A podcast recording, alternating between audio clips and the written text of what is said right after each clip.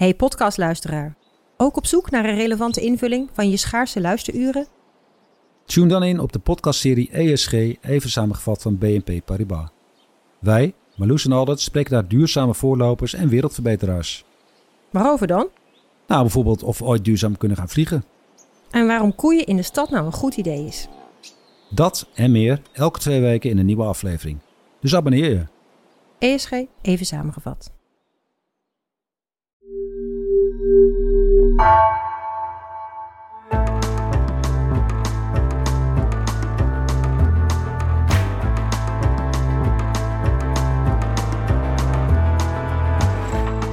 Welkom bij het uur. Het is december en dit uur staat in het teken van liefde, bezinning en meer eten, meer drinken en meer andere dingen doen dan strikt goed voor je is.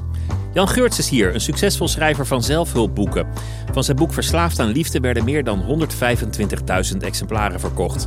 Hij schreef een oeuvre bij elkaar, wordt vaak gevraagd voor bijeenkomsten en in januari verschijnt een nieuwe, Een lieve klap voor je kop. Geurts is niet alleen de goeroe die alles zelf heel goed weet. Veel van zijn inzichten komen juist door de momenten waarin hij is vastgelopen in relaties, familie en verslavingen. Hij put inspiratie uit het boeddhisme. Terugkerend thema is het overwinnen van het eigen ego en het uitzetten van de gedachtenstroom. Welkom bij het uur. Mijn naam is Pieter van der Wielen.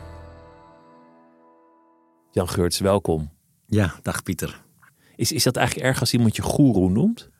Uh, dat, mensen mogen mij wel zo noemen, maar ik beschouw mezelf niet als zodanig. Maar het heeft een voordeel als mensen je als een guru zien, want dan luisteren ze naar je. Want dan denken ze, die heeft iets en, te vertellen. En mijn belang is dat ik graag wil delen waar ik zelf zo enthousiast over ben. Over die spirituele visie en hoe dat zeg maar, je leven kan veranderen op een manier die je prettig vindt.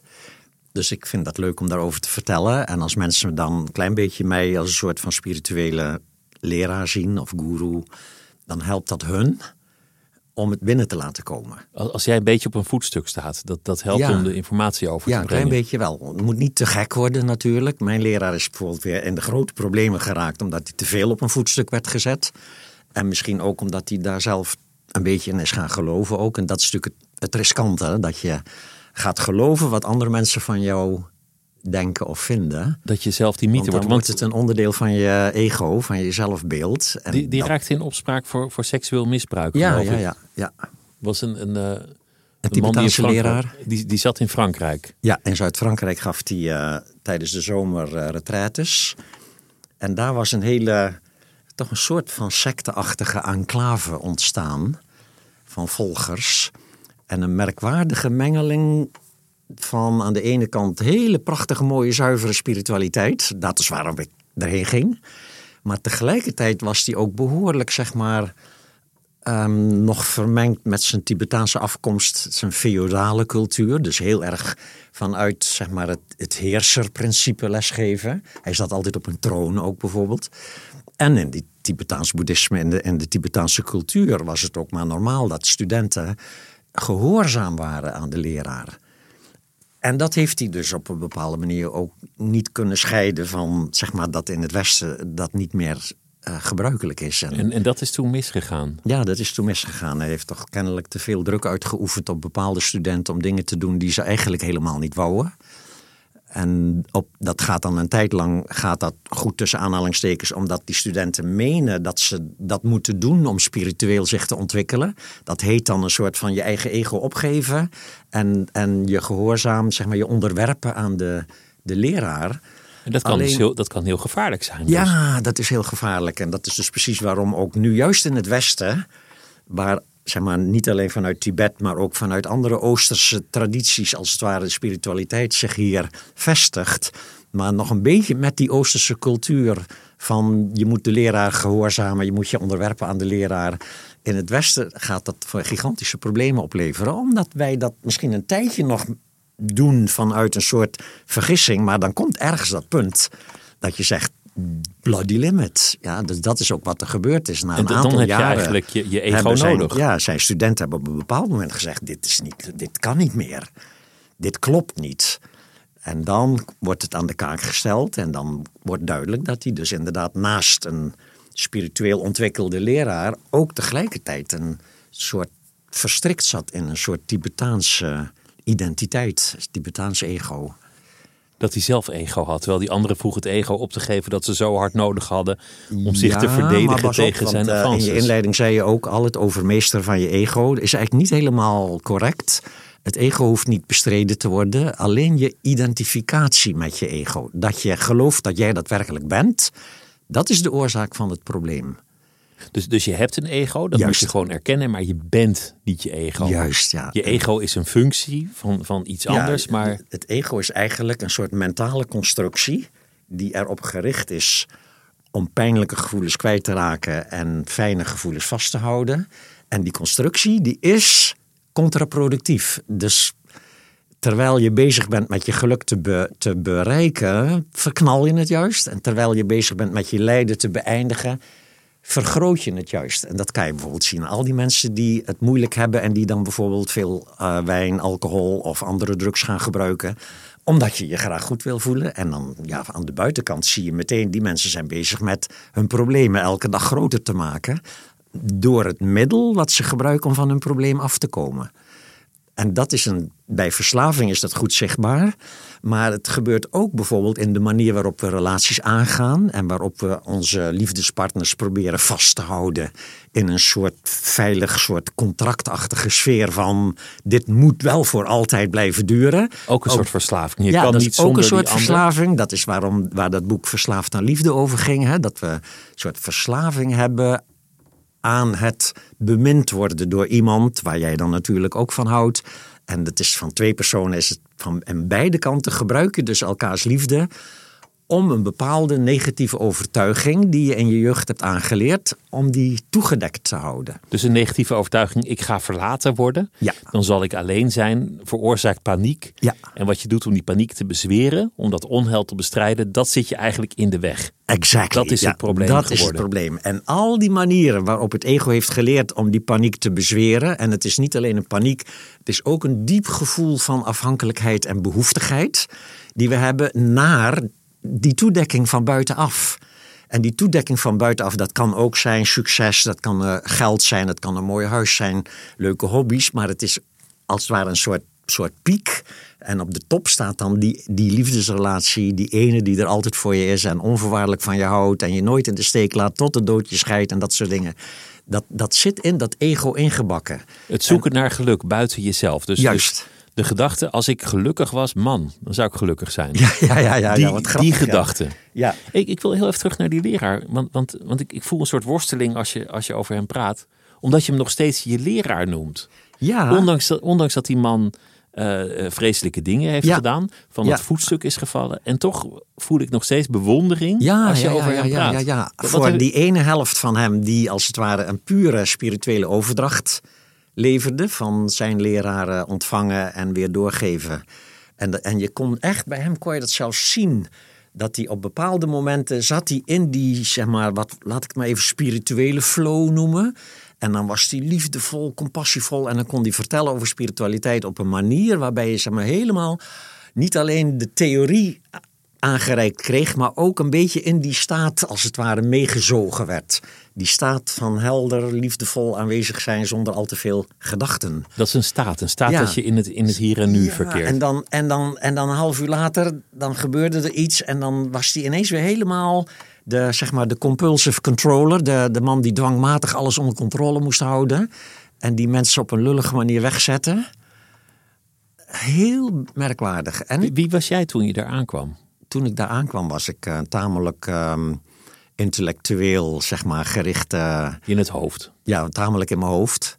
En ehm, met, een, met een enorme fascinatie voor de theoretische kant van de spiritualiteit. En ehm, gaandeweg, door dus ook in zijn gezelschap te zijn en de theorie steeds beter te snappen, maar ook die momenten dat hij een soort rechtstreekse overdracht gaf van die heldere staat van zijn. En op een gegeven moment ook die momenten dat hij buitengewoon irritant deed. Want ook dat is een, een, iets wat je kunt benutten in je spirituele groei. Op het moment dat hij bijvoorbeeld niet kwam opdagen terwijl we met duizend man in een bloedhete tempel zaten te wachten. En hij kon gerust een uur later komen. Hij trok zich van niemand wat aan. En dan kon je dus vreselijk zitten ergeren aan hem. En je kon ook gewoon herkennen, die ergernis, die voeg ik er zelf aan toe. Dus het is altijd weer een soort herkennen van, nee, wacht even. Op dit moment is dit het gegeven. Ik kan nu een uur lang lopen balen en vloeken op het feit dat hij mij laat wachten. En ik kan ook besluiten om, dat heet dan beoefenen. Dat heet, zeg maar, oké, dit gevoel is dus kennelijk iets wat ik op dit moment heb. Ik kan ervoor kiezen om weg te lopen. Ik kan ervoor kiezen om te blijven. Maar waarom zou ik me dan nog ergeren? Snap je? Dus je herkent... Je zoekt het bij jezelf en je gaat niet vloeken waarom, waarom is, is die klootzak nou weer te laat. Ja. Je denkt, waarom reageer ik zo? Juist ja. Dus Waarom- dit is het hele spirituele zo- proces. Laat eigenlijk zien van er is altijd een trigger van jouw lijden. Het lijden wordt altijd getriggerd door iets buitenaf. Maar het is ook altijd iets wat je in je eigen geest doet. Wat als het ware het eigenlijke lijden eraan toevoegt. En dat is een, een prachtig mooie definitie. De meest fundamentele definitie van lijden is iets ervaren en het tegelijkertijd niet willen ervaren. Dat is wat lijden is. Een onwelkome emotie. Maar je zei, ik Ja. zat in mijn hoofd. Je, je, je, je had het net over eigenlijk precies hoe verslavingen werken in allerlei manieren. In de liefde, Mhm. van middelen, eh, in het materiële. Aan stress kan je ook verslaafd zijn. Mhm. de, de man die zo in zijn hoofd zat. Want ik heb een paar dingen over je gelezen. Dat je, dat je leraar Nederlands bent geweest. Dat je ondernemer bent geweest. Mhm. Ja. Of, of eh, met, met digitaal Met automatisering. automatisering Mhm. bent eh, geweest. Dat je, dat je een eh, pijnlijke echtscheiding had meegemaakt. Een Mhm. Ja. burn-out had je meegemaakt. ja. Verslavingsproblematiek ook. Ook, ja, ja, ja. ja verslaafd aan weet, je amfetamine, roken, uiteraard. Relaties, dat uiteraard. is speed. Speed, ja. ja. Du- du- Dus wan- wanneer nam je dat dan?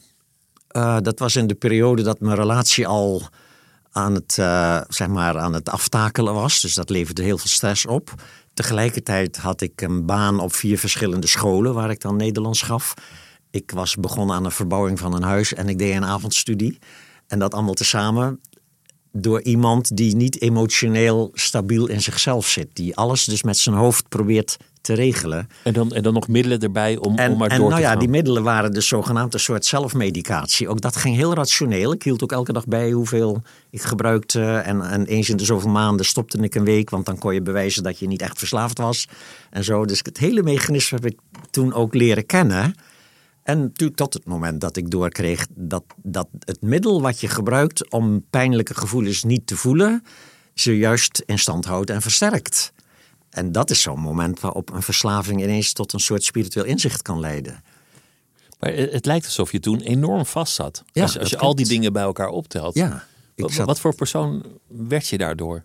nou, ik denk een tamelijk eh, cynisch, emotioneel arm soort iemand die eh, probeert zich overeind te houden. Met ja, zo hard mogelijk nog blijven proberen om alles te doen waarvan je geleerd hebt dat je dat moet doen. Dus doorwerken, Ja, doorgaan, doorwerken, sterk zijn. je relatie. En ik was, ik was de, gewoon de gedachte om een relatie te beëindigen kwam niet eens in me op. Want dat hoort niet en zo. Dus het zat allemaal, het is allemaal als het ware het uitleven vanuit wat er ingestopt is in zeg maar jaren 50, jaren 60 cultuur.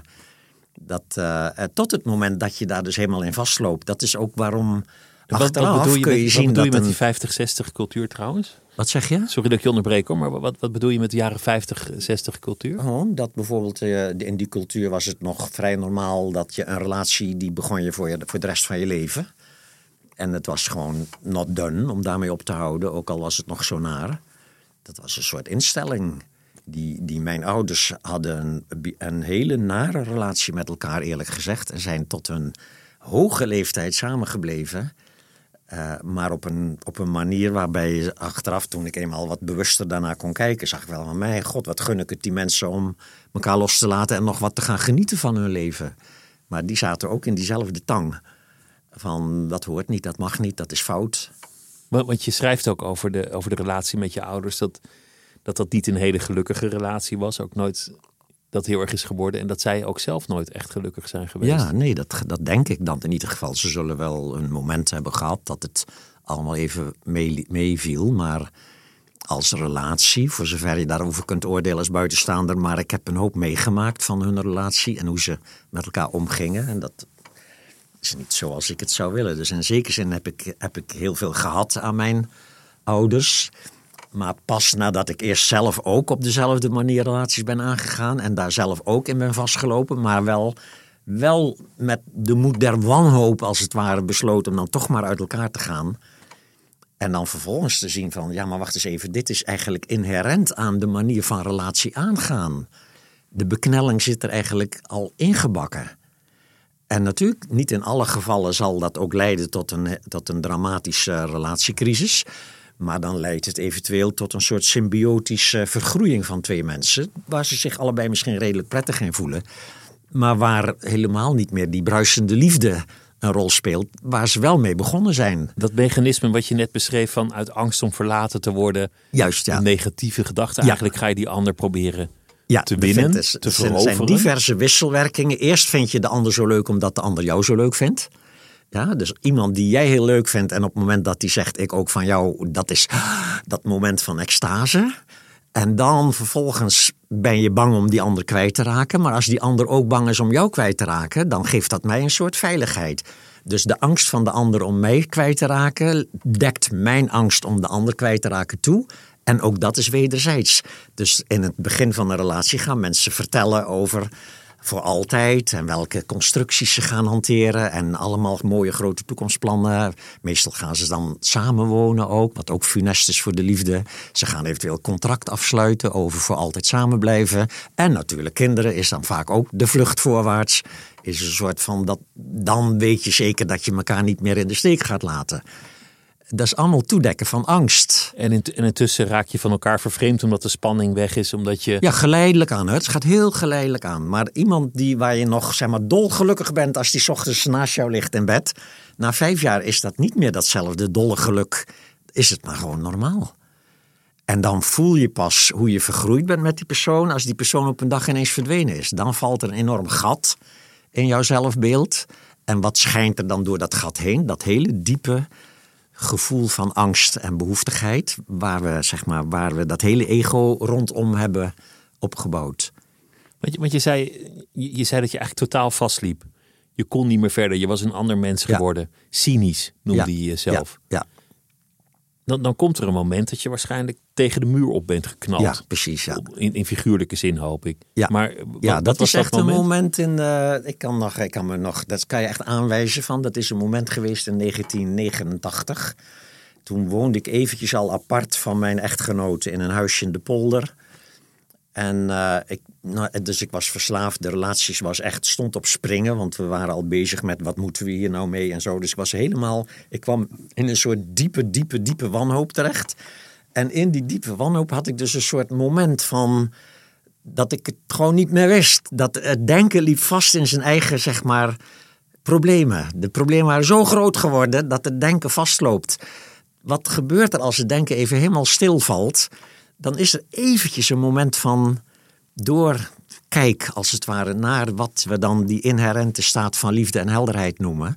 Dus ik had één moment van helderheid, één moment van liefde. En het manifesteerde zich gewoon als een soort innerlijke stem. En niks, niks zeg maar, bijzonders van innerlijke stem van wat, wie was dat, de God of iets dergelijks. Nee, nee, nee, gewoon mijn eigen innerlijke stem. Maar voor het eerst hoorde ik die wat liefs zeggen tegen mij.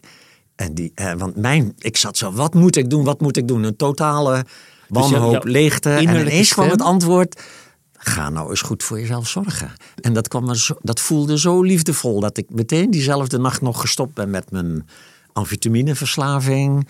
Binnen een paar dagen heb ik dat gesprek gehad met mijn toenmalige echtgenoot. Wat zullen we doen? Gaan we weer proberen of gaan we... Zij zei nee, laten we nu maar stoppen. En drie dagen later stond ik met een tasje met ondergoed stond ik te liften. Ja, want ik liet alles achter bij mijn vrouw toen. Ik stond te liften naar Amsterdam, waar ik een twee zussen had wonen toen. En bij de ene kon ik een maand in een bezemkast logeren. En daarna kon ik bij de ander een tijdje in een soort appartementje in haar woning kon ik een tijd wonen. Dus ik ben totaal, zeg maar, totaal opnieuw begonnen. Met een plastic tas. En Met wel, een wel een beetje netjes gepakt? Of had je dan, had je dan 14 onderbroeken en één paar sokken? Of, of nou was ja, dat nog een paar wel... dingen gewoon. Want ik, eh, ik, had, ik had sowieso eh, geen... Ik kon niet met al die koffers sjouwen, omdat ik geen... Ik liet de auto ook bij... Want mijn ex bleef dan met kinderen daar wonen.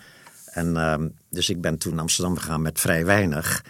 Maar toen begon ik meteen met dat automatiseringsbedrijfje. En dat, dat werd heel snel succesvol. Dus ik kon heel snel zeg maar, het geld verdienen wat ik zelf nodig had. Terwijl mijn toenmalige echtgenote die kon zeg maar, de, de uitkering blijven houden die ik kreeg vanuit het, mijn baan in het onderwijs. Een tijd lang werd dat doorbetaald. Allemaal heel legaal overigens, want je mocht toen nog best wel een hoop bijverdienen bij je wachtgelduitkering. Maar, maar je begon meteen aan een nieuw avontuur. Ja, het was meteen. Ik was meteen, Meteen er overweldigends. Je zou kunnen zeggen, op het diepste punt van ellende zat, kwam er een soort opening die meteen enorm veel energie gaf. Enorm veel. Ik ga gewoon dingen doen die ik leuk vind. En die werden ook succesvol. Dat laatste kan je niet afdwingen. Dat is gewoon een kwestie van mazzel ook natuurlijk. Maar dit klinkt nog eigenlijk als, als een verhaal dat, dat je wel vaker hoort. Mensen die scheiden en dan ineens met een plastic tas buiten staan en, en zich verjongen, weer opnieuw beginnen, een frisse ja. start. Ja, zeker. Maar dan, dan struikel je over het algemeen in het nieuwe avontuur waar je uiteindelijk ook weer in vast zult lopen, vroeg of laat. Ja, dat zou kunnen als je niet ook tegelijkertijd op een of andere manier dan gaat werken aan wat en persoonlijkheidsontwikkeling. Dat is zeg maar één manier van werken. En de andere manier is dan spirituele beoefening gaan toepassen. Hoe, hoe kwam dat in je bestaan? Wanneer, kwam je dat tegen? Ik kwam eerst in aanraking met een soort trainingscircuit. Eh, via een vriendin die zei: Ik heb zo'n leuke training gedaan, moet je ook eens doen. Hartstikke leuk. Ik was toen nog eigenlijk niet bezig met werken aan mezelf. Ik was, werken aan, was aan het werk om lekker veel geld te verdienen. En dat lukte ook aardig. En, eh, maar zij zei: Moet je gewoon doen, hartstikke leuk. En dus dat was een training waarin je behoorlijk geconfronteerd wordt met bepaalde patronen. En eh, dat greep mij toen. Ineens zag ik gewoon van, oh jee, er valt nog zoveel meer leuks te ontwikkelen. Op psychologisch vlak, zal ik maar zeggen. Want je hebt dus zeg maar de ontwikkeling van het ego. Het ego heeft vanuit de jeugd een aantal averechtse automatismen, overlevingsstrategieën meegekregen. Die in je volwassen leven eigenlijk iedere keer voor ellende zorgen. Zolang je dat niet door hebt, blijft dat zich ook telkens herhalen. Dan krijg je dat verschijnsel van je stopt met een relatie omdat die vastloopt. Je begint aan een nieuwe en dezelfde problemen komen weer terug. Maar als je ondertussen doorkrijgt dat het vastlopen van een relatie veroorzaakt wordt door je eigen, zeg maar, ego. In plaats van dat je de partner gaat verwijten dat hij wat dan ook. Dan kan je aan het werk gaan. En als je dan ook nog geluk hebt dat je in een goede, zeg maar, goede setting terechtkomt. Een goede therapeutische of trainingssetting om, setting om eraan te werken. Wat ik dus eh, meemaakte. Dan, dan ga je een aantal jaren ga je daar gewoon helemaal lekker in los. Want je, want je bent uiteindelijk boeken gaan schrijven erover, trainingen gaan geven zelf ook. Ja. Ehm, bestseller-auteur geworden. Ja. Je vertelde dat je goed verdiende met de automatisering. Dat, dat boek was een spectaculair succes uiteindelijk. Mhm. Dus het, het, het heeft echt een wending in jouw leven ook in maatschappelijke zin gegeven. Ja. Dit, dit alles. Wat ik leuk vind aan die boeken, ook het laatste boek, is dat je je niet opstelt als de alwetende. Mhm. Je schrijft, ik ben er nog niet. Je schrijft van, nou, ik ben verliefd, ik, ik betrap mezelf op oude fouten. Je zegt, ik heb een relatiecrisis meegemaakt, toch weer. Toch, toch Mhm. Ja, weer ja. erin gestonken. Dus, dus Ja, je stelt je niet op als de goeroe die alles weet waar iedereen zich aan moet onderwerpen. Je, je, stelt je meer op als iemand die nog steeds ook wel. Ja, worstelt. maar ik denk dat dat ook een kenmerk is van de echte spiritualiteit. Er is ook een hoop quasi-spiritualiteit. Die quasi-spiritualiteit die suggereert dat het mogelijk is om een soort ego te ontwikkelen wat volmaakt is, wat nooit meer lijdt, wat nooit meer boos wordt, wat nooit meer relaties aangaat die niet goed werken. Dat is nou juist het hele idee van ego. Het ego denkt dat er een soort volmaakt ego bestaat, waarin je altijd gelukkig bent.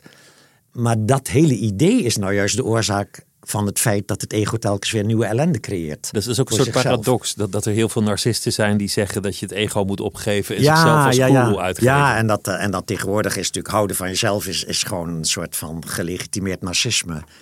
Want houden van jezelf vanuit de spirituele visie is heel iets anders. Is helemaal niet dat je jezelf fantastisch altijd leuk en fantastisch vindt. Dat je, maar dat is dat je wat je ook voelt, ook als je een keer je angstig voelt of je voelt je afgewezen, dat je tegelijkertijd daarna kunt kijken vanuit een zeg maar diepere laag van je zijn met liefde en zonder veroordeling. Dus ik zie mijn ego gewoon bepaalde dingen telkens weer herhalen. En natuurlijk een beetje heb ik daar wel aan gewerkt, zodat ik niet, niet weer verslaafd raak bijvoorbeeld. Dat heb ik nou wel achter me gelaten. En destructieve relaties aangaan, dat zal ik ook niet meer doen. Maar even goed, dezelfde dingen. Het verlangen naar iemand. Uh, eventueel ook weer bang worden als, in mijn geval, ik heb een soort nice guy patroon. Dus ik word bang als mensen zeg maar, een conflict met mij dreigen te gaan krijgen. Je wil aardig gevonden Ik wil worden. altijd aardig gevonden worden, ja. Maar tegelijkertijd is er nu iets wat dat ook kan waarnemen zonder zich daar nog mee te identificeren. Dus dat is eigenlijk het hele punt. Het spirituele proces verandert jouw ego niet zozeer, als wel het vermindert en beëindigt je identificatie met dat ego. Maar daar moeten we even toch er dieper in, want dit is denk ik een, een vitaal punt. Wat is ego? Wat, wat, wat beschouw jij als het ego? Waar Ego val is- jij en het ego Ja. uit elkaar? Ja, ego is alles wat je denkt over jezelf Je- en gewoon de je, wereld. je gedachten, je Ja, je bewustzijn. gedachten, ja. Ja. Dus dat is in Dzogchen. Dzogchen is zeg maar de traditie waar ik het dan geleerd heb in het Tibetaans boeddhisme. ja. Ja, er zijn ook spirituele tradities die maken echt een onderscheid. En die zeggen van ego is eigenlijk iets verkeerds. En als je maar heel lief bent voor een ander en compassie voelt, dan ben je goed bezig. In Dzogchen zeggen ze ook dat is ego. Ook als je de zetverkoper geld geeft, is ego. Daar ontleen je een goed gevoel aan, ook dat is ego. Als je een prettige, fijne relatie hebt met iemand, is ego. Als je bang bent om verlaten te worden, is ook ego. De altruïsme is ego. Egoïsme is ego. Wa- Wat is dan niet ego? Dat wat gewaar kan zijn van het ego.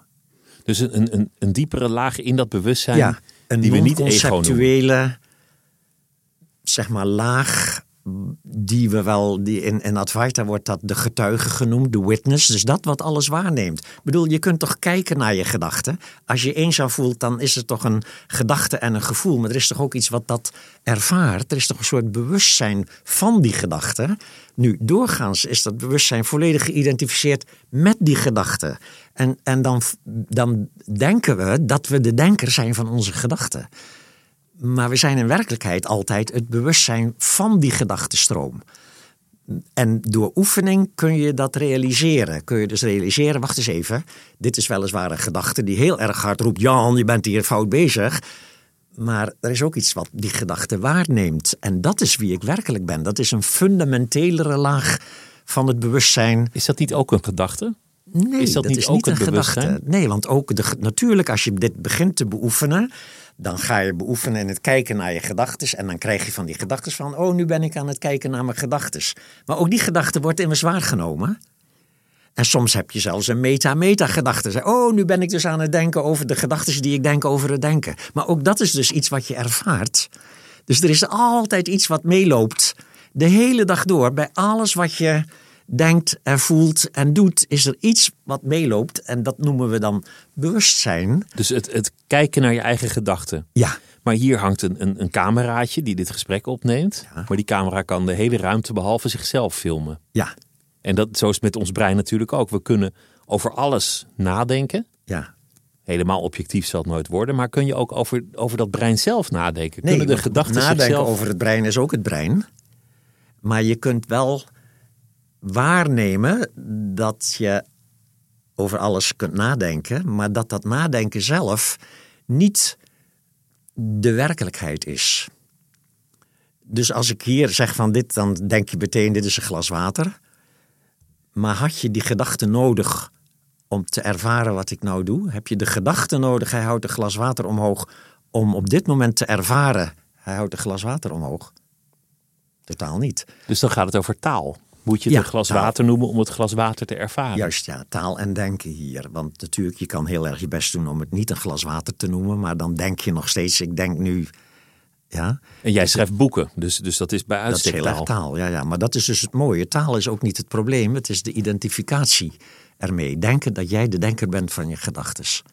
Dus je moet, je moet jezelf van een afstand beschouwen. Alsof je bij wijze van spreken uit jezelf treedt en dan naar jezelf kijkt. En dan zie je jezelf daar zitten, jaloers, bang om verlaten te worden, geërgerd. Want ze heeft, Ja. ze heeft met een andere man zitten flirten of weet ik Ja. wat er aan de hand is. Ja. En dan moet je naar jezelf kijken met compassie en zeggen... ach lief klein kind, laat het toch even los. Ja, dat kun je leren. Dat is niet iets wat je moet, want dat zou alweer een nieuw soort... Dan zit er alweer dwang achter. zit er alweer dwang achter, maar je kunt het wel leren. Je kunt leren zien dat dat niet is wat je bent, maar wat je hebt. Het dus is wat die je doet. die verdwijnen dan niet. Ook dat is weer die misvatting van als je dan dit spirituele pad zou volgen, dan zou je dus niet meer jaloezie voelen. En dan zou je geen verlatingsangst meer voelen. Nee, ook die komen nog steeds op. Maar wat is het eigenlijke probleem? Is niet het gevoel eenzaamheid, maar jouw identificatie ermee. Stel je maar gewoon voor, je hebt een rotdag gehad op je werk en je zit s'avonds thuis en je voelt je eenzaam.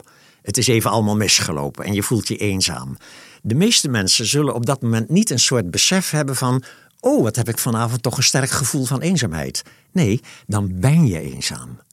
Waarom ben je het gevoel, terwijl het in feite een gevoel is, waarom denk je dat je dat bent? Omdat je het gevoel niet wil voelen. Dus je moet die gedachten uitschakelen, even gewoon op mute drukken. Ja, Dat- niet eens uitschakelen, want ook dat is weer een bestrijden van. Je kan herkennen. De, de gedachte zegt, oh, wat ben ik eenzaam. Maar er is iets wat dat waarneemt en zegt, oh, dit is mijn gedachte, eenzaamheid. En gedachte plus gevoel. Want denk niet dat dan meteen het gevoel eenzaamheid weg is. Maar het gevoel eenzaamheid was nooit het probleem. Het gevoel eenzaamheid plus het niet willen voelen ervan. Dat maakt dat je eenzaam bent. Dus je moet het juist aangaan. Het gevoel dat je niet wil, moet je juist Ja, ja dus daar herkennen, komen die termen onderkennen. overgave, toelaten, ruim en liefdevol kijken naar alles wat dat ego presenteert. Het ego is zo'n beetje de tussenpersoon tussen de wereld en wie jij werkelijk bent. En andersom ook, wie jij werkelijk bent is gewaar zijn, maar het ego speelt gewoon de rollen in de wereld. Het is jouw ego die hier het interview afneemt en mijn ego die hier de antwoorden geeft. Gaat, gaat het ook over acceptatie van het lot? Ja, in zekere Dat, dat je zegt, wel, hetgeen wat mij gebeurt Ja. is het beste wat mij kan gebeuren, want zo is het nou eenmaal. Ja, als je, dat, als je dat al ook kunt voelen. Want vaak gebruiken we eerst zo'n gedachte om van een naar gevoel af te komen. Een soort tegelspreukje even Precies, op ja, een en soort dan weer lekker door. En dan, en dan vaak zie je dus ook valkuilen op het spirituele pad. Dat mensen zeggen van, oh, ik ben dat gevoel dus niet. En dat zijn mijn gedachten helemaal niet. En die komen dan in een dissociatie. Die splitsen af van hun pijnlijke emoties. Dus met een spiritueel jargon legitimeren ze een psychologisch mechanisme. Dat heet dissociatie, afsplitsing. Dus dan, dan maak je als het ware, je verbreekt het contact met je gevoelsleven. Die mensen krijgen een soort vlak leven. Hebben geen problemen meer zogenaamd dan. Maar ook nooit echt buitengewoon vreugdevolle ervaringen. En dat is wat dissociatie is. Want dat is natuurlijk, we hadden het over de liefde. Veel van jouw werk gaat over de liefde. Het is natuurlijk ook juist zo heerlijk om op je bek te gaan. Niet op het moment zelf, maar het is, ja, alle grote kunst komt er toch uit voort. Ook dat, De mooiste liedjes zijn daardoor gemaakt. Ja. Het is deel van het leven dat je, Ja. dat je verliefd wordt, dat je verlaten wordt, dat, Ja. je, dat je zelf verliefd wordt op een ander, dat je er een bende van maakt. Ja. Dat je liedelijk bent vreemd gegaan en door de mand gevallen. Ja. En eh, god weet wat voor troep mensen er allemaal niet van ja, maken. maar dus hier ook zie je weer prachtig mooi. Maar het, moment dat jouw partner jou verlaat en je komt in dat diepe gevoel van ik kan niet leven zonder jou terecht, zal niemand op dat moment zeggen: Oh, wat is het toch prachtig en mooi dat ik dit allemaal mag meemaken. Nee, nee, maar als we nee. vervolgens het achter de rug hebben en we horen Jacques Brel, ne me pas, laat me niet alleen, die wanhoop in dat lied van ik kan niet leven zonder jou, dan vinden we het prachtig. Waarom? Omdat je op dat moment de emoties kunt voelen zonder er volledig mee geïdentificeerd te zijn. Het is niet dat je bij de bushalte staat met een plastic tasje met ondergoed. Precies, ja. En dat moment vindt niemand leuk. Nee. Is, je- je komt steeds terug op de kindertijd. Je noemde zelf ook je ouders. Je, je, je hebt het eigenlijk over iets dat is aangeleerd in de jeugd. Een patroon van angst. Angst en behoeftigheid, ja. Wat, wat is dat voor patroon? Dat is dus wat alle mensen aanleren in hun jeugd. En dat heeft denk ik te maken met dat eerste jaar van ons leven, waarop we ook werkelijk totaal afhankelijk zijn en werkelijk doodsangst ervaren als we iets te lang alleen gelaten worden. Ja, dus de, de baby die, die iets te lang alleen gelaten wordt, die ervaart doodsangst, omdat hij ook werkelijk dood zou gaan als moeder niet komt opdagen. Dus dit, is- dit is Je, bent onderdeel volledig van de... behoeftig, volledig afhankelijk. Ja, volledig, behoef- volledig afhankelijk, maar ik kan daar nog niet bij nadenken. Dus dat die ervaring wordt weliswaar opgeslagen in, in een soort lichaamsgeheugen, zonder dat je daar een, een herinnering aan hebt, aan die periode. Die herinneringen ontstaan pas als het denken op gang komt, op 1, anderhalf jaar oud. En dat is ook meteen het moment waarop ouders beginnen te communiceren en het kind te, eh, op te voeden. En opvoeden is dus leren waar het allemaal aan moet voldoen om erkenning te krijgen en liefde te krijgen en waardering te krijgen. Du- dus die liefde die je nodig hebt om te overleven, want dat is het eerste wat je leert. Als er nu niet een borst komt of, of in ieder geval ja. een fles, dan red ik het hier niet. Die wordt later aan voorwaarden gebonden. Juist, ja. Ja, en dat is wat. En kinderen zijn natuurlijk buitengewoon gemotiveerd om aan die voorwaarden te voldoen. Want ze hebben dat ergens diep van binnen. Die ervaring van van mezelf ben ik angstig en behoeftig.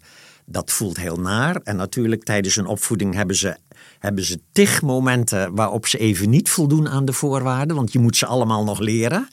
En dan krijg je ook een vorm van afwijzing. De lieve ouders wijzen lief af.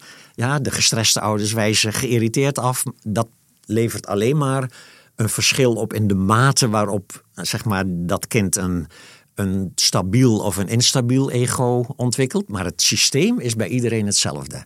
De eerste ervaring is angst en behoeftigheid. En daarna is alles erop gericht om dat toegedekt te houden.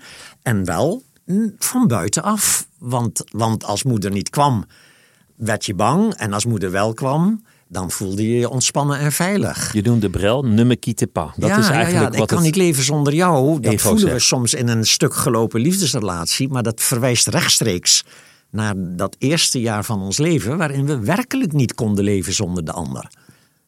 En nogmaals, ja. dit is allemaal hoe het hoort ook.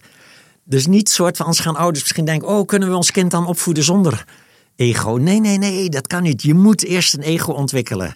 Die zeldzame gevallen waarin kinderen zonder ego opgroeien... dat is omdat er nooit met ze gepraat werd. En dan ontwikkelen ze een dierlijk bewustzijn.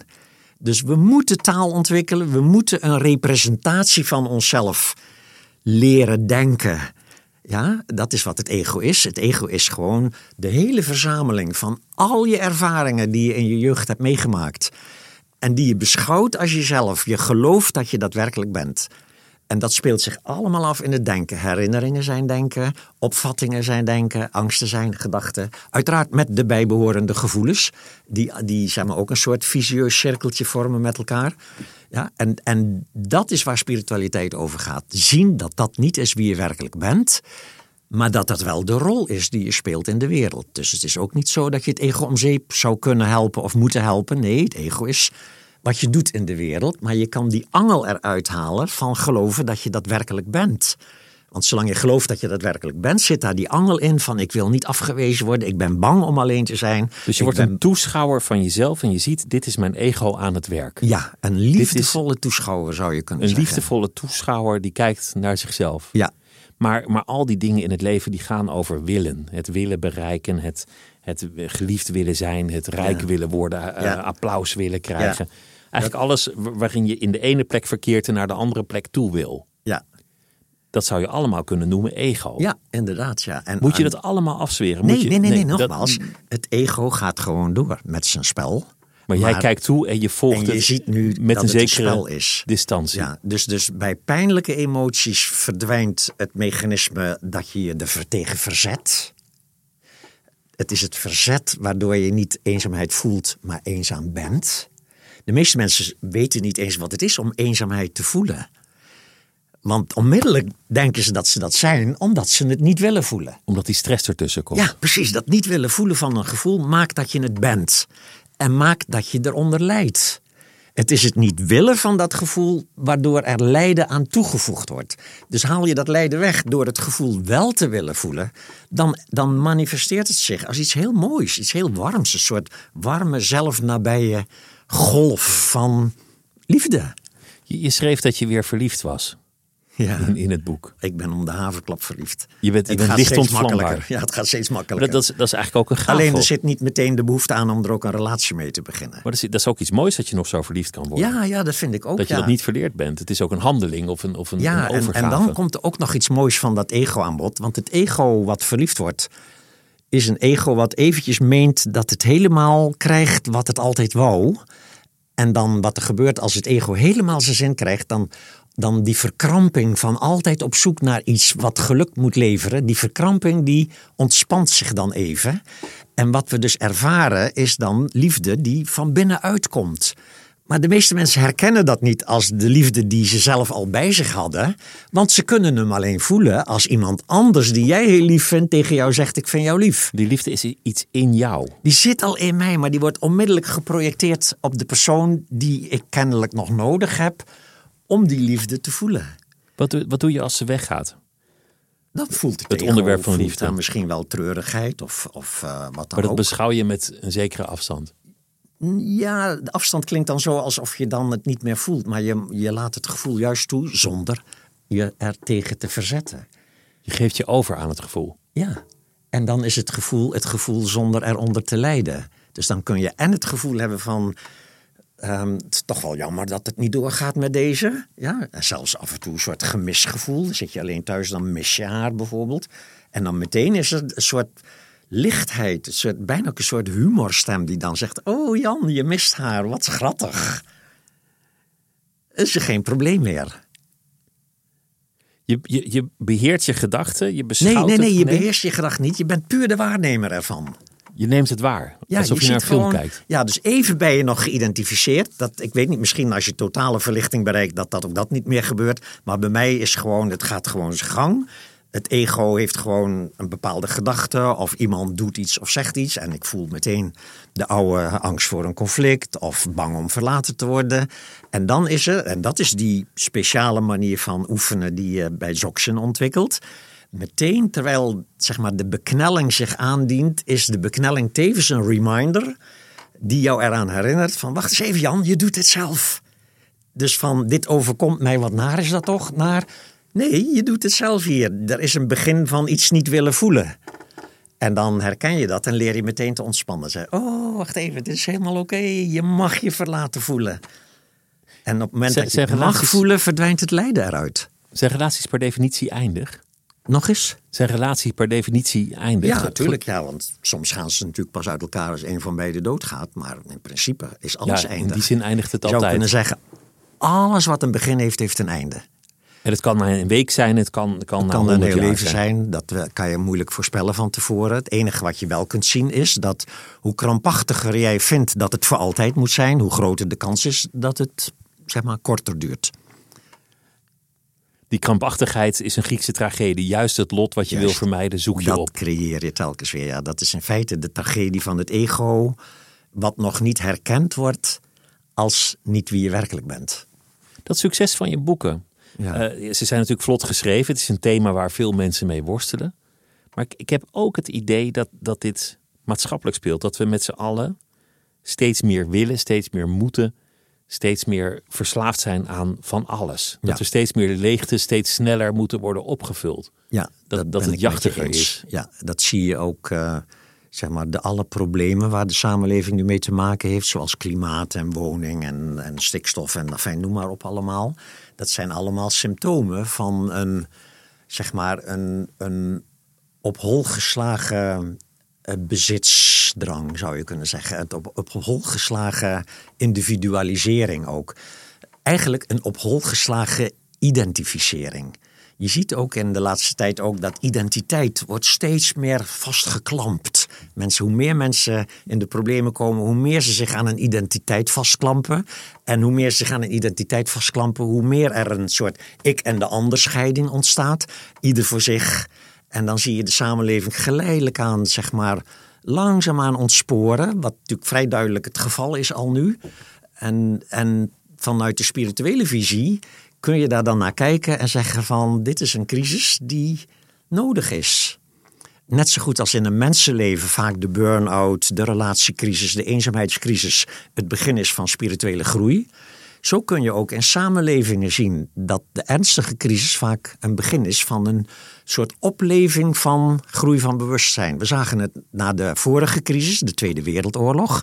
Is er een periode geweest waarin bijvoorbeeld de rechten van de mens uiteindelijk dan geformuleerd zijn.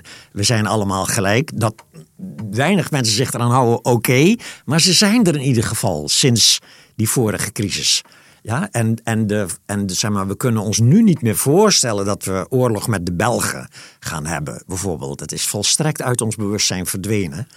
Mm, En zo zal een nieuwe crisis, en dat zal ook te maken hebben met het klimaat, als het klimaat werkelijk heel erg naar gaat doen en we al onze welvaart weer geleidelijk aan moeten loslaten omdat het klimaat niet meewerkt, zullen we gaan kijken naar dat, hé, hey, maar er zijn misschien belangrijkere dingen dan Dus een crisis is, is nodig, Ja. want het is een moment van groei. Juist, ja, een crisis eh, initieert groei. Je weet alleen niet hoeveel crisis en hoe diep de ellende nodig is voor zeg maar een bepaalde cultuur om ook op dat culturele niveau te gaan groeien. Toch, toch ben ik van de stroom en crisis moet je vermijden. Zeker van de grootte van de, de Tweede Ja. Wereldoorlog. Liever niet. Liever de klimaatcrisis Nee, laten ja, we mijn- maar overslaan. Mijn ego heeft datzelfde gevoel ook Is dat mijn natuurlijk. ego, toch? Ja, natuurlijk. Ja, want we zijn allemaal bang voor dat de bommen gaan vallen en dat we, dat we onze, onze gemakken kwijtraken.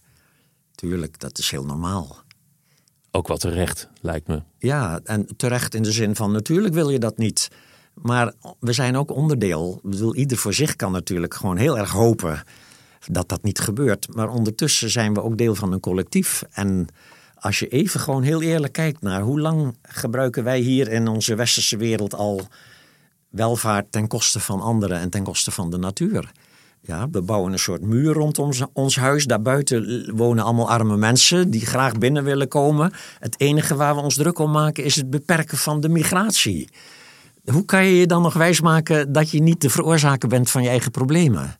Dus eigenlijk zeg je, je moet naast dat je jezelf moet beschouwen, soort van, moet je ook weten dat je onderdeel bent van iets Ja. groters, van een collectief, Ja, en van dat een groter ja, geheel. En, en natuurlijk, ieder mens kan daar zijn eigen bijdrage aan leveren.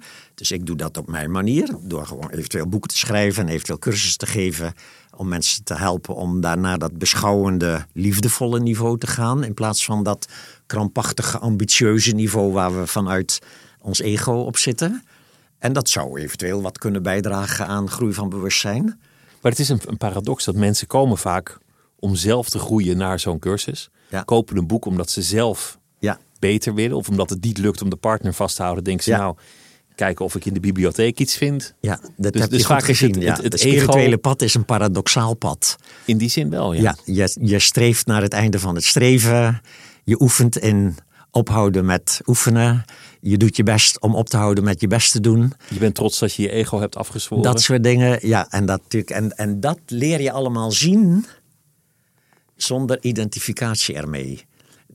Je ziet eh, bijna in al je vragen zit die neiging van... ja, maar dan moet je dit veranderen. Of ja, maar dan moet je toch dat. Dat is dus precies dat aangeleerde probleem. Ben je gelukkig? Nou, doorgaans wel, ja. Is dat, is dat een staat of een plek waar je aankomt? Is het een pompstation langs de weg? Wat, wat, is geluk? geluk is eh, mogen vertellen hierover. Dan kan ik heel erg geluk voelen. Het feit dat er iemand is die zinnige vragen stelt, geïnteresseerd is en dat ik dat mag vertellen, dat levert mij geluk op. Maar ook als ik thuis in mijn eentje zit en ik kan gewoon, ben. zitten en niks hoeven. Ik heb natuurlijk, ik ben niet verlicht, hè, dus ik, ben gewoon, ik heb ook gewoon mijn, mijn, mijn, mijn issues nog. Alleen ze, leveren veel minder ellende op. Ze duren veel minder lang. Je kan dan bekneld zitten en dan duurt het. Vroeger was je misschien dagen, weken, maanden bezig met dat te bestrijden en te verdoven. Nu kan ik bekneld raken in een bepaald gevoel en dan ah, misschien een kwartier of een half uur. En dan komt toch dat. dat wat is, het is een soort humorachtig iets ook. Liefdevolle humor. Een soort van. soort van wat grappig Jan is. Dat- Dat je erom kan lachen, dat het allemaal niet zo belangrijk Dat, is. ja. Het, het heeft veel te maken met verslaving. Want, want dat was een van de eerste dingen die jou op dat pad bracht. Ja. Verslaving aan, aan amfetamine. Het, eh, liefde kan een verslaving zijn, materialisme, het najagen Ja. van carrière, ruzie maken.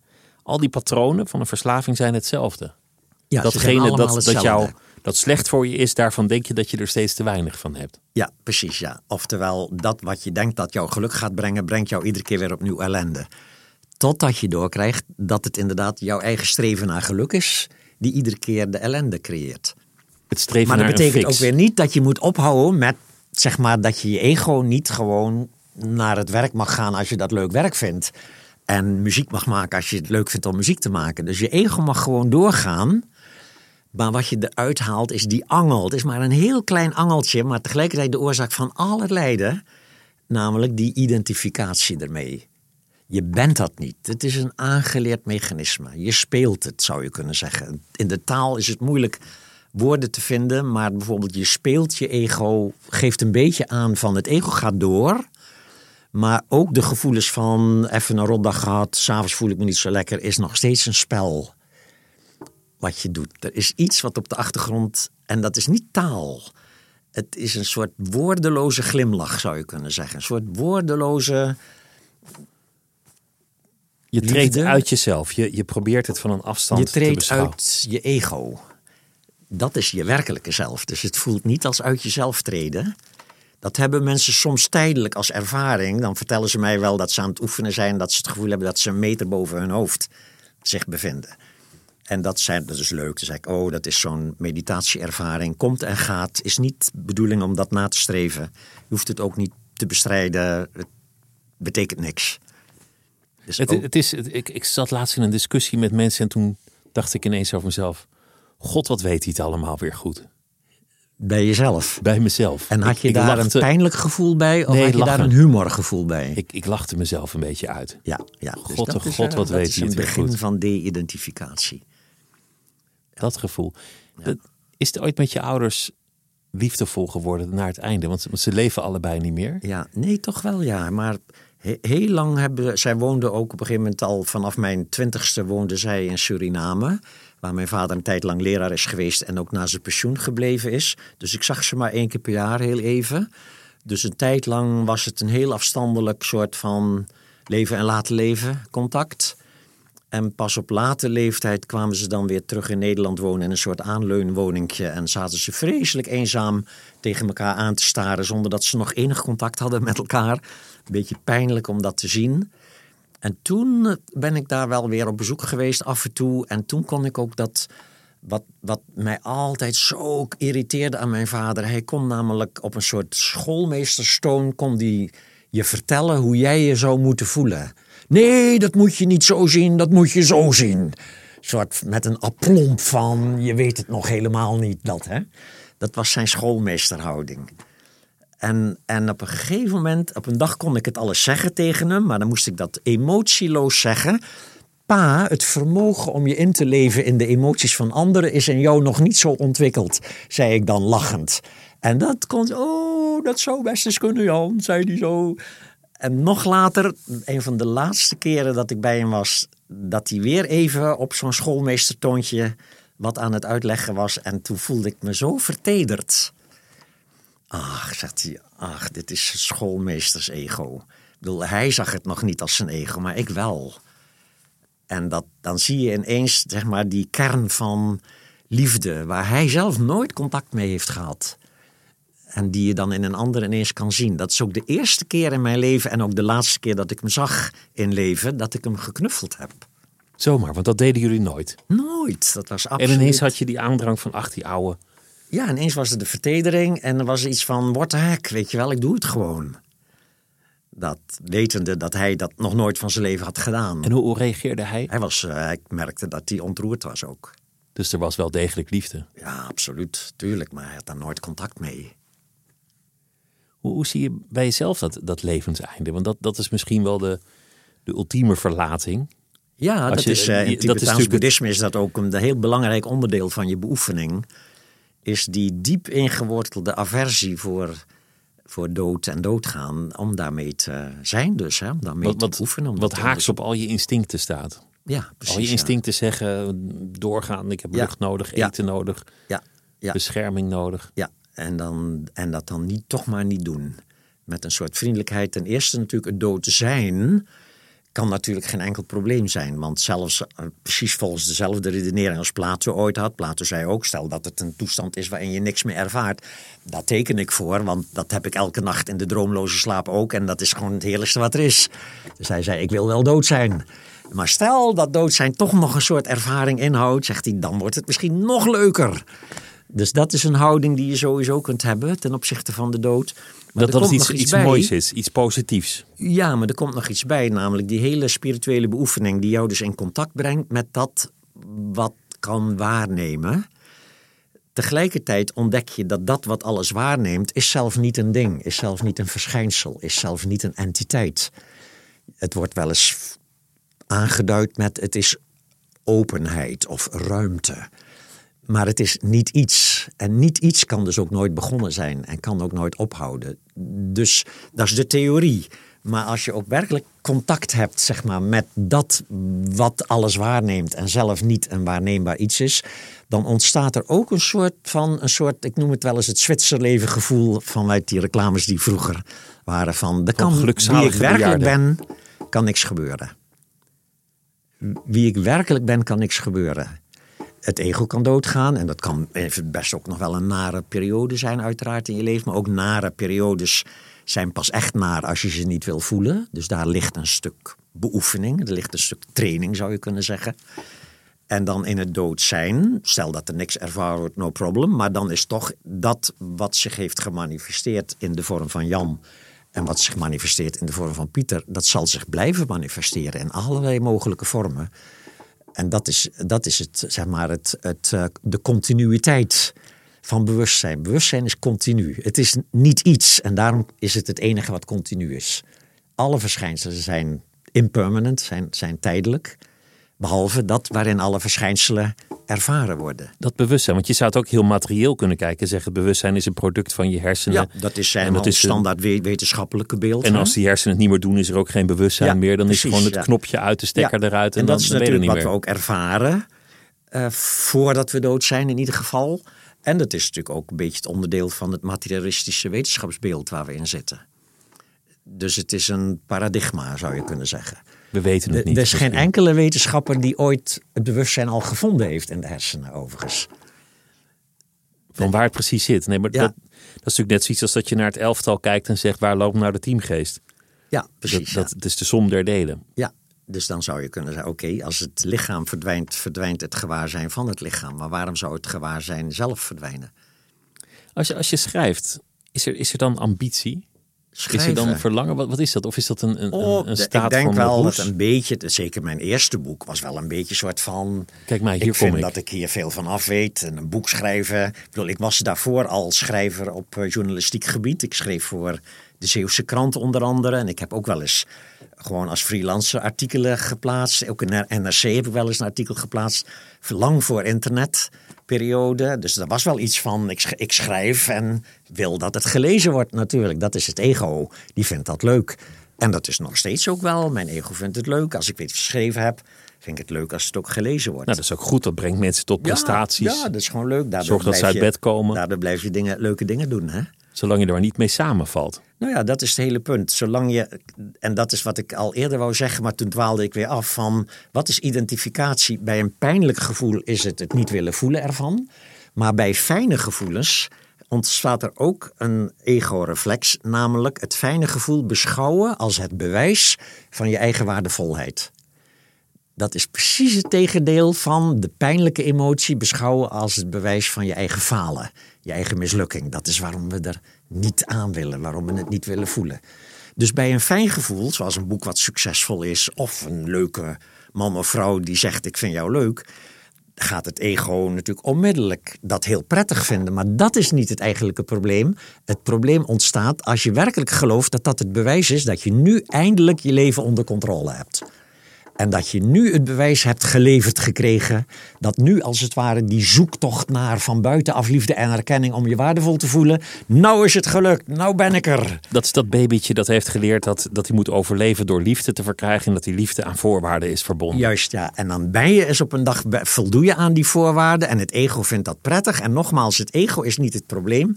Het is de identificatie ermee. En bij prettige gevoelens vindt die identificatie plaats door het vasthouden ervan. Maar dat betekent in feite door het te beschouwen als een bewijs van je eigen waardevolheid. En dan zie je het grappige verschijnsel dat dat wat jou vandaag een waardevol gevoel geeft, dat raakt vrij snel uitgewerkt. Diezelfde persoon moet over een paar dagen wel weer zeggen dat hij jou leuk vindt, want anders dan ga je je al naarvoelen. Die nieuwe auto, die is na een jaar is dat geen bewijs meer dat je een succesvol iemand bent. Dan is het maar gewoon een stuk blik waar je in rijdt. Ja, dus alle dingen die je bijdragen aan, zeg maar, die een prettig gevoel leveren, dat is prima, niks mis mee. Maar zodra je het beschouwt als een bewijs van je belangrijkheid, je, je waardevolheid en vooral ook als een bewijs van dat je je leven onder controle hebt. Want dat is ook een van die grote instinkers. Een tijd lang gaat de werkelijkheid mee met hoe jij het wil. En jij denkt dat de werkelijkheid zo is omdat je het wil. En dan gaat op een bepaalde dag gaat de werkelijkheid linksaf, terwijl jouw plan was rechtsaf. Jij wou nog wat kinderen en je partner gaat er vandoor. Jij wou een sportcarrière en je breekt je been. Ja, dat soort dingen. En onmiddellijk is er natuurlijk een gigantisch verzet. Want dan komt die keerzijde weer van die identificatie, namelijk niet willen voelen van de nare gevoelens. En dat is het falen van het zelf. Eh, Het was een genoeg om met je te praten. Het was, eh, het was een, eh, een leerzaam uur. Dank je wel. Ja, Pieter, dank je wel ook. Want ik vond het fijn dat je de goede vragen stelde en mij de ruimte gaf om erover te vertellen. Dus dank je wel. Jan Geurts, dankjewel. Dit was het uur voor deze week. Volgende week dan zijn we er weer. En het uur wordt gemaakt door Else van Driel, Anouk van Kampen, Mira Zeehandelaar. En de chef van de audioredactie is Anne Moraal.